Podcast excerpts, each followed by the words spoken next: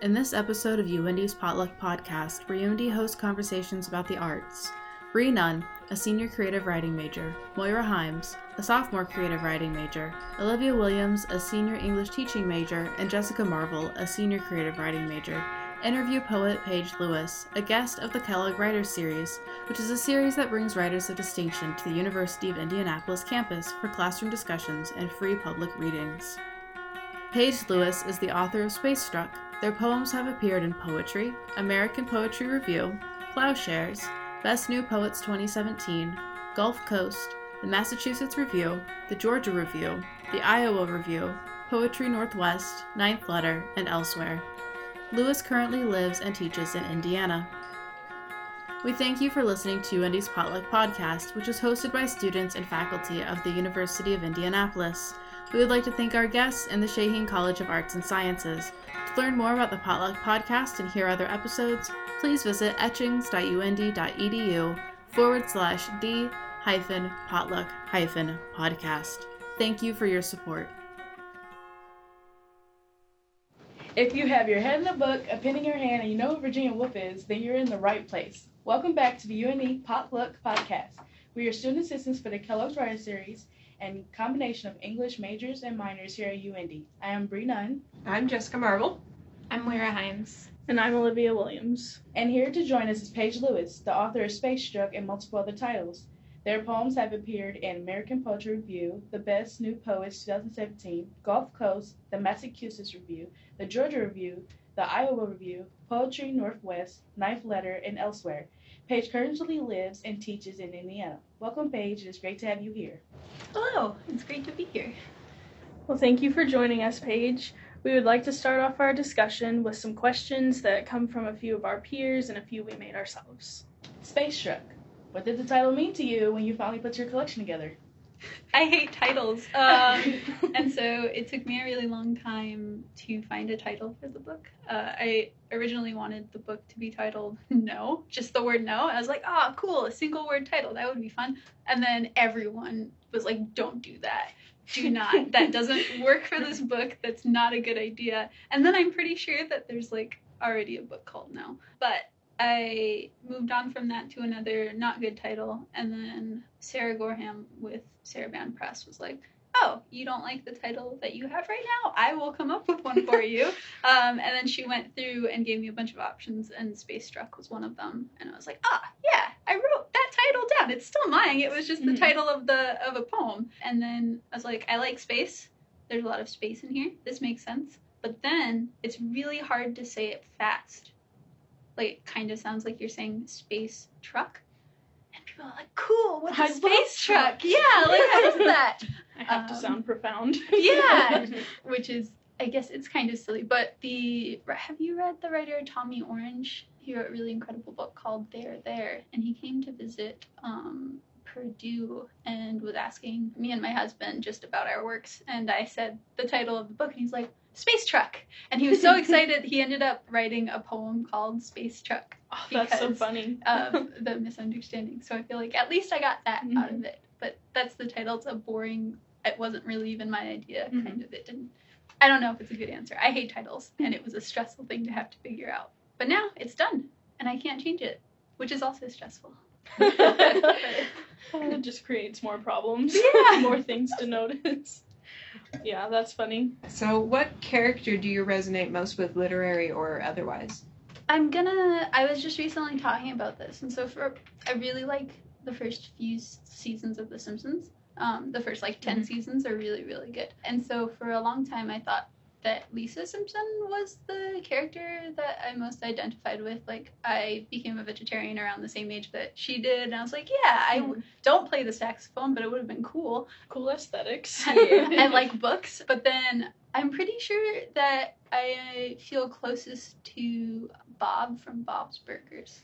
He's sort of serious and wants to stay home all the time and uh, doesn't want to interact with people and wants to wear sweatpants all the time. Um, so beyond the fact that he cooks meat, like I, I think that Hmm. Bob is probably my character that I would identify most with. So around like what age did you decide to like change your eating style and like how has that impacted you in your life daily? I was nine at the time, and my friend didn't eat meat, and her whole family didn't eat meat. And I was like, oh, cool, I didn't know you could do that because I Mhm. didn't like the taste of meat. And it was like, oh, if I tell my mom that I'm a vegetarian, she won't make me eat like hot dogs. Yeah. Like, this is great. And then I had to cook for myself because she's like, I'm not cooking two separate meals every day Yeah. which makes sense. And so uh, basically, I just ate pasta for like years. I care a lot more about the actual animals too now than I used to. Um, I mean, I cared when I was a kid, but also I really just didn't like the taste of them. And now I think that it would be really, really hard for me to go back to eating Mhm. meat. Cows are so cute. I know their ah. big eyes. Yeah. They're like dog horses. Yeah, Just like, I love they have you. best friends. Yeah. I love them so much, and pigs are really smart. Pigs are and like dogs. They just want one. Yeah, They're and they, like- smart. Yeah, they're so smart. Have you seen? There's like an island that you can go to and like swim with pigs that are just like wild pigs. Yeah, That's amazing. it's amazing. it's so cool. It's like on my bucket list. I just want to go swim with some pigs. I don't want to bother them. I just want to see them. Right. Just Enjoying themselves. them. Yeah. Be present with them. Yeah. I feel very strongly for animals. Like driving here, like I saw a coyote, a live one. Mhm. Like just like, and I was like, this is so cool. And then just like passing everything else was just like roadkill, and it's really Yeah. hard for me to like see that and then go along my day and be like, it is okay. That thing is dead, and you can't do anything for it. Mhm. But I just feel like I empathize with animals in a Mhm. way that is probably negatively affecting my brain just because it's so intense but i think that that affects my poems i think that that is definitely something that goes into my writing brain and something that i'm thinking about a lot it's just like how cruel we are to animals but also Mhm. how cruel nature really is like yeah. so many things are dying All right. Well, when it comes to putting a collection together, what would you say was the most difficult to deal with during the process, and what was the most exciting? organizing was really really difficult. Y'all are writers right? Mm-hmm. mm-hmm. do you like do you write poems or Yeah. Mm-hmm. all poems? Oh, okay. How do you feel about putting multiple poems next to each other?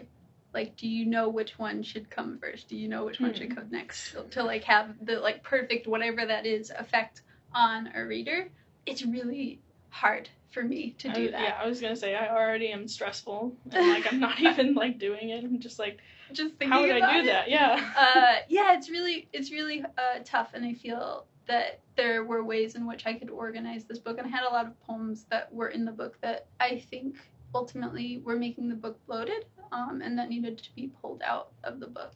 But I had a lot of help from professors and friends who were also poets. It's very lucky to have friends who are poets and can be like, no, this sucks here. Let's move this Mhm. around and be honest with you. Um, but I think organizing was the most difficult part to like have to print everything out and then just like put it all on the floor and be like, okay, how does this? Yeah, and it's like, oh no, these two sonnets are way too close to each other. Mhm. Like I can't have sonnets right back to back. Disgusting. Yeah. um, these are all written in tercets, and now I got to move them around so that we don't have like five poems in a row Mhm. with three line stanzas. Um, and so just like thinking about it even on that level was very very stressful. That was the hardest thing. Easiest thing? Can I say titling just because it was done for me? No. Um, I think that the image of the like the cover Mhm. was like as soon as I saw it, I knew that I wanted it to be the cover. And then my editors at Sarabande worked really hard to get the artist's permission because he's like an 83 year old German guy Oh, wow. in Germany Mhm. and had no like we had no way of contacting him and so we had to they had to contact like different galleries to find his contact information and be like will you let us use this and so it Uh-huh. was like a whole thing um, but I didn't have to deal with that so for me it's very easy so that would be the easiest thing Uh, we noted that you often use direct second person narrative in your poems. Could you talk a bit more about this choice and what it means to draw the readers into a poem? I don't know about y'all, pretty introverted. And while I like to be by myself, I also feel a need to like connect with others. Because I can be like, here, I'm going to be writing as if I'm talking to you, but you don't even have to be in the room. Mhm. And so I think that there is a desire for connection. A while ago, I was reading um, Ovid's letters to friends and to his wife. Um, and in one of his letters, he writes, Why do I write to you, you ask?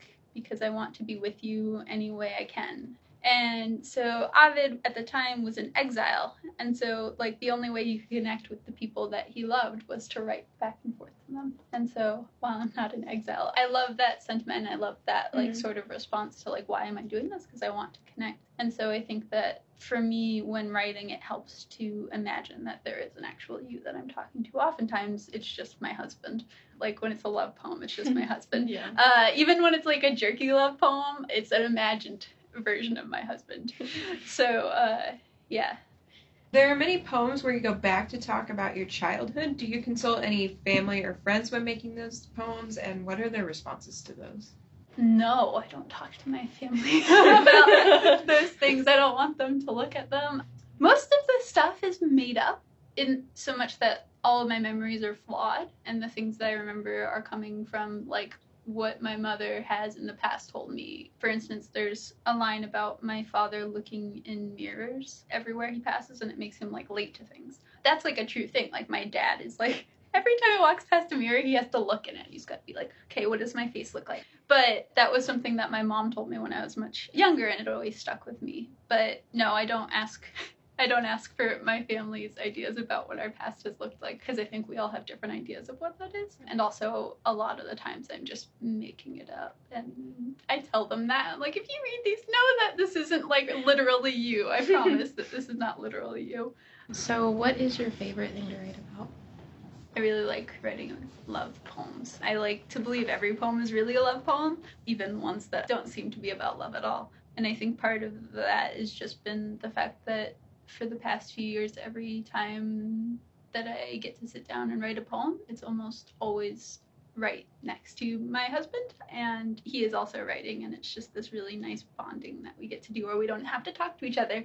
We're just like, okay, I'm going to make this thing and then like in eight hours i'm going to be able to show it to you and then you're going to like it and you're going to tell me you like it and then maybe in a few days you will tell me how i can make it better but for now we're just going to like show this to each other as like gifts and so sometimes writing poems just feels like writing a bunch of love letters to my husband. And so i think that my favorite thing to write about is love. Also just anxiety about the world ending. But that's not really a favorite thing to write about. It's just a thing that i keep writing about. It just sort Uh, of happens. usually they'll kind of converge and you're like Mhm. what am i supposed to do now? How can i balance both this feeling of love and also this feeling of dread for everything that's Mhm. going to destroy the earth? Since yesterday i was trying to talk to my students about abstractions and how we can give concrete images for abstractions. And so i was like what could i what kind of example could i provide? And i was like oh like what does hell look like for everyone? Like what does your personal hell look like? And so i'm going to maybe ask y'all this. What would your personal hell look like? Mine is like there's a few i think that that i've thought about but the one that sticks is okay for eternity driving in a parking garage and every time you come around a corner another car is coming out really really fast and like about to hit you but then doesn't hit you but it's just that for eternity so just like terrified Constant forever. anxiety. Yeah. Yes. Yeah. Of like almost getting hit and then not getting hit. And the other options that I have thought of all seem to involve cars. So I think I actually just really don't like driving cars. Okay, yeah.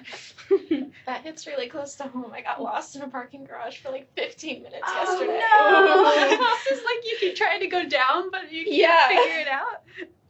Maybe we hmm. would be in the same hell together. the Maybe. same one. She's the Wow. one that's almost hitting you every time. Oh, Wow. Because I'm a bad driver. It's all connected. I think mine would be I'm stuck in traffic, but it's like at a standstill, but then like people keep going really fast and then slamming on their brakes and then I have to like swerve to try to like save myself and like just that constant anxiety, but all while a super intense banjo music is playing. Oh my God. Non-stop, just like it increases each time we go and stop. Like that would be mine. That's incredible. Yeah, the banjo, it would Yeah. be so strong. I'm like sweating right now. Like yeah, like it just like- starts off like with the slow and then like oh. intense every time. It would be terrible. Oh, yikes. Just for eternity. Banjo music non-stop. More intense than the last second. I think mine would be living, like watching different points of my life go through and, e- and watching how I die each time. Like just a new eternity of like dying. Like yeah, this is how you live this life, but then you die that way. This is how you live that life. That's how you die that way. So fun. yeah, I mean, I get to see. I mean, because I I want immortality Yeah. in in words, so that's what I try to write about. So Mm-hmm. thinking about it, like oh, I live all these lives, but I die different each time. So it kind of sucks. Yeah, it's kind of like the uh like how when you wish uh like when a genie grants a wish Yep. and they're like, "Oh, you wanted like a turkey sandwich, but this is the way I'm going to change it so it's actually bad." And So, so it like actually ruins your life. and so you're like, I want to be immortal. So you're kind of immortal, but you have to see all of the different ways Yeah. in which you die. That's stressful, uh, but also very poetic. Very poetic answer. It's like a five day old turkey sandwich. I got you a sandwich, but it might be right. It's a turkey sandwich, but you're gonna die. you get really bad food poisoning. Yeah. Mhm. Oh. That'll get you. I feel like I feel like mine would be I'm in a room of people and like they all like will come talk to me, but instead of it being me, they always are like, "Oh, it's my mom." Like they'll refer to me as like my mom or my sister instead of me. Mm. So they see me as like a different person because, and just compare me to those other two people in my life instead of myself. Whoa, yeah. That's crazy. I feel like y'all have thought about these things before. I like how we We're all just writers, knew. it's Like, we yeah. we're like, oh, that's a we all look at each other And like, we're you no. want to know? I did, I did. I thought maybe like, have you ever been to AWP?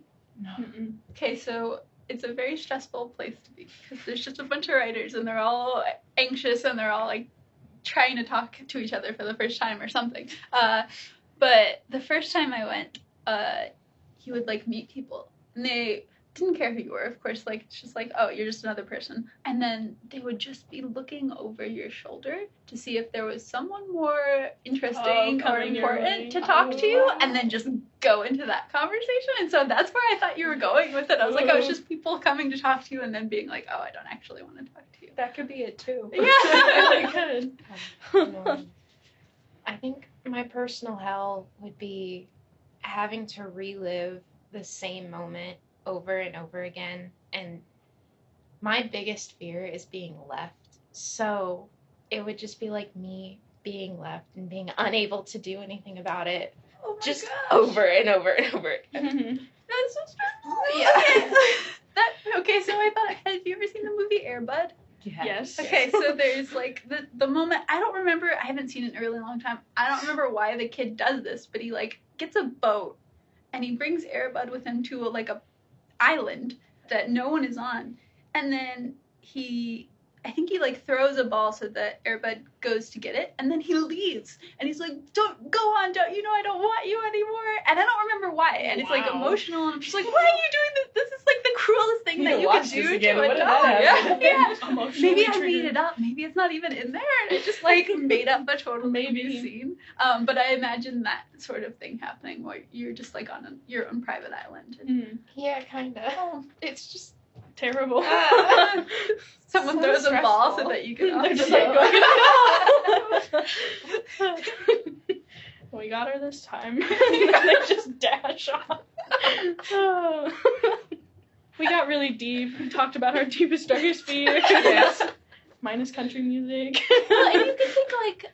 I don't. I don't. I've never really thought about what like a personal heaven would look like. Like I don't Mhm. know what that looks like, but I definitely know what You the know. personal Probably hell my person. like. It would probably look like how I want hell to look like, but in a fun way. just not. this is how you avoid dying every single time. Just You're without jumping out. Just yeah, but- yeah, it's just you living your best life and then dying at old age every time. you yeah. Wow. Something different every every life. Mhm. Sounds nice. Or like not dying and just like get transported to like some other place for eternity, but just you're just like walking. Like you don't like taking walk. you don't die. You just like get to go there, and they're like it's time, and you're like cool. Uh, Mhm. I get to stay in my body. They're body. handing out free ice cream. Yes. That's everything. You never gain weight. Wow. Wonder, You do you still have like bodies in heaven? Do you I like? don't know. I think you're your your best soul, your best Mm. self in heaven. Could I change my idea of like my clothing? Could I like, Yeah. imagine that I'm like wearing something new? Uh, or do clothes not matter? Because I, well, no, but I mean like it's just like I have no body, and so it's just the spirit, and spirits don't need clothes. Like now you have to think about these That's things, true. or do you just like have to wear what you died in? Oh, And I it's yeah. like that. Oh, what if I was like wearing something really embarrassing? Or what if I like died on like in a hospital and so I'm wearing like a hospital gown and like the back doesn't close? Nothing It's just, closes. Oh. like, for eternity. It's just like how you have to walk and other people like look really what it like some like rich people die in like a yacht party or something Mhm. and then they get to like wear like glamorous gowns and stuff and I've got my hospital gown. So, like we know you died poor. No. Can we end there? Just we know you died. The okay, so most of your poems are written in stanzas of two to three lines. Why did you choose this style? Oh no, you noticed. I tried to they know my them. secret. um, I love couplets and I love tercets. I so I have OCD, and I think that my OCD definitely affects how long I spend on figuring out where the line should break and Mhm. and how the line should look down the page. And so oftentimes I really want it to be super orderly, uh, and I'm just like, okay, I can't end on this word because it looks very silly with this long line next to it.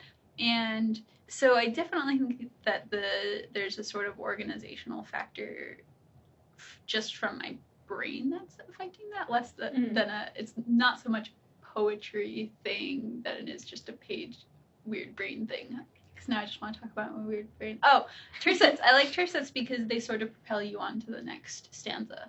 Because You're like, oh, where's this gonna go? And Mhm. It's like it's like a little wheel or something. I love tercets. Uh, if I could, every single poem would be in tercets. That's the answer. Cool. That's all I Yeah, got. that's good. but I'm sorry you noticed. I tried to like make them look. I don't think it's bad. Yeah, it's just your style. Yeah. But I definitely like when I first like laid out all of the poems. I'm like, oh man, there's so many hmm. what am I going to do? So we just have a couple of like quick questions. Mm. Um, what is something that puts you out of your comfort zone? doing things like this, having especially recordings, I don't often like if people ask for interviews, which is still like I don't even want to do them. Like I want to be like Brigit Pegeen Kelly and just not talk to anyone. Be like, here's my poems. Don't talk to me. Don't record me. Everything is like I am going to be very very mysterious. But so like having to do phone calls of any kind, even if not for like That's answering me. questions Yeah. Oh my gosh. that it stresses me out a lot. So when someone's like, "Hey, we're gonna record you giving answers about poetry," and I'm like, "I don't know anything. Like, why are you going to ask me these questions?" That puts me out of my comfort zone, and then, uh, and so all of these uh, answers that I've given you have put me way out of my comfort zone. Good to know. Yeah. It doesn't seem like it. Aw, Yeah, thank you. I totally agree. Like I hate phone conversations. Like I would rather get up and give a speech than talk to somebody on a phone for like an interview or anything. I just get so anxious and like I can't handle it. I totally get it. I will go to a place to make an appointment before I will call them to make an Right, appointment. exactly. Which is That's the silliest me. thing. It's so no, much I'm like time. I could just go in and do it. It's fine. It's very weird. I think it's partially like the face to face thing. You can't see how they're reacting to That's you. true. Yeah. I get the same thing of ordering at drive-throughs. Like I, I refuse to go through a drive-through. I'm Really? like, I have to go in. Yeah. And my mom gets mad at me because she's like, just go to the drive-through. I'm like, no, we're going in because I don't like the disconnect. What if they give me the wrong sandwich because they didn't hear me correctly? I like that you have a reason for why Yeah. you don't like it though, because like I've never gone to a drive-through and I have no idea why I don't want to do it, but I won't do it. Like I'll let if I'm in a car with someone, like it's fine. Yeah. But if I am the person driving, like I won't do it. I'll be like, I'm in a park and we're gonna go in. Uh, yeah. What is this about? Like needing to see a face? I don't know. Yeah. Someone's plotting my doom or something. Yeah. Uh, but all of that puts me way out of my comfort zone. Hmm. So, what gets you in the mood to write? Reading. I are you are y'all like morning writers or night writers, or do you just like write whenever it's possible? Usually whenever, but mostly at night. Mostly at night. Yeah. Oh, I'm a morning writer. I can't write, and I get really tired, and I want to go to bed by like nine o'clock. I'm Mhm. just like I'm done. I I like to wake up like super like five, and then just no one is up, so no one talks to me. It's great. I'm still kind of like dreamy, and or in a dreamy headspace. I myself Mhm. am not like dreamy. I like, am dream. yeah. uh, and I have like a routine of like making tea and picking as the tea water is boiling. I like pick out like a dozen books from my bookshelves and then plop them down on a table and then I just kind of flip through those for a while and it's what I've been doing for years now and it always gets me like ready to write because I'm just like immersing myself in poetry and it makes me really happy. And then there's always something that like sparks something in my brain and I'm like oh weird. You said napkins. Now I'm thinking about magicians pulling napkins out of their and then I'm like oh now I'm going. And and then I just get to write. And so that's the thing that does it is just reading. I don't know there's that's like the only thing that does it. Like if I see something really beautiful like that's cool but I don't know that it inspires me to write Yeah, I'm just like that was "Ah, a one. that's a nice sunset. But I'm like, I'm gonna go eat some ice cream now. But but reading always does it for me. Where, where is your ideal spot to write? Like you kind of answered this, I think. When I was living in Tallahassee, the I was uh, my husband Kaveh Akbar and I would go to a Starbucks because it was like literally like one minute walk from his house and it opened at five. It was like the place that opened earliest, and so we would just go there and write. So most of Space Struck was written in this tiny little Starbucks, and that's like the least cool answer that I could possibly give. But like every time I'm in a Starbucks now, I'm like, ah, it's time to write. like my brain's like, it's time to write, and I'm like, no, I have to go places. But now it's just at um at a standing desk in my home. But I broke the standing desk, and so Oh, no. it can only be a standing desk now. so you have to commit. You have Yeah. to be uh, but that is the Get that a is the chair. place. I mean. Yeah, that's true. No, I totally get the Starbucks thing. I used to go to Starbucks every day after school and just write and Yeah, do my homework and stuff.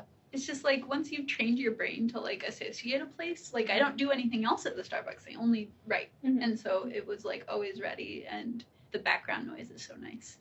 It's a really good environment. I was gonna say something, but I don't want to. I don't want to carry this on anymore. No, I'm just, I think it's funny that I'm just like endorsing Starbucks right now. We're all just, Just like, like, yes. that's so weird. This is a really weird advertisement for Starbucks.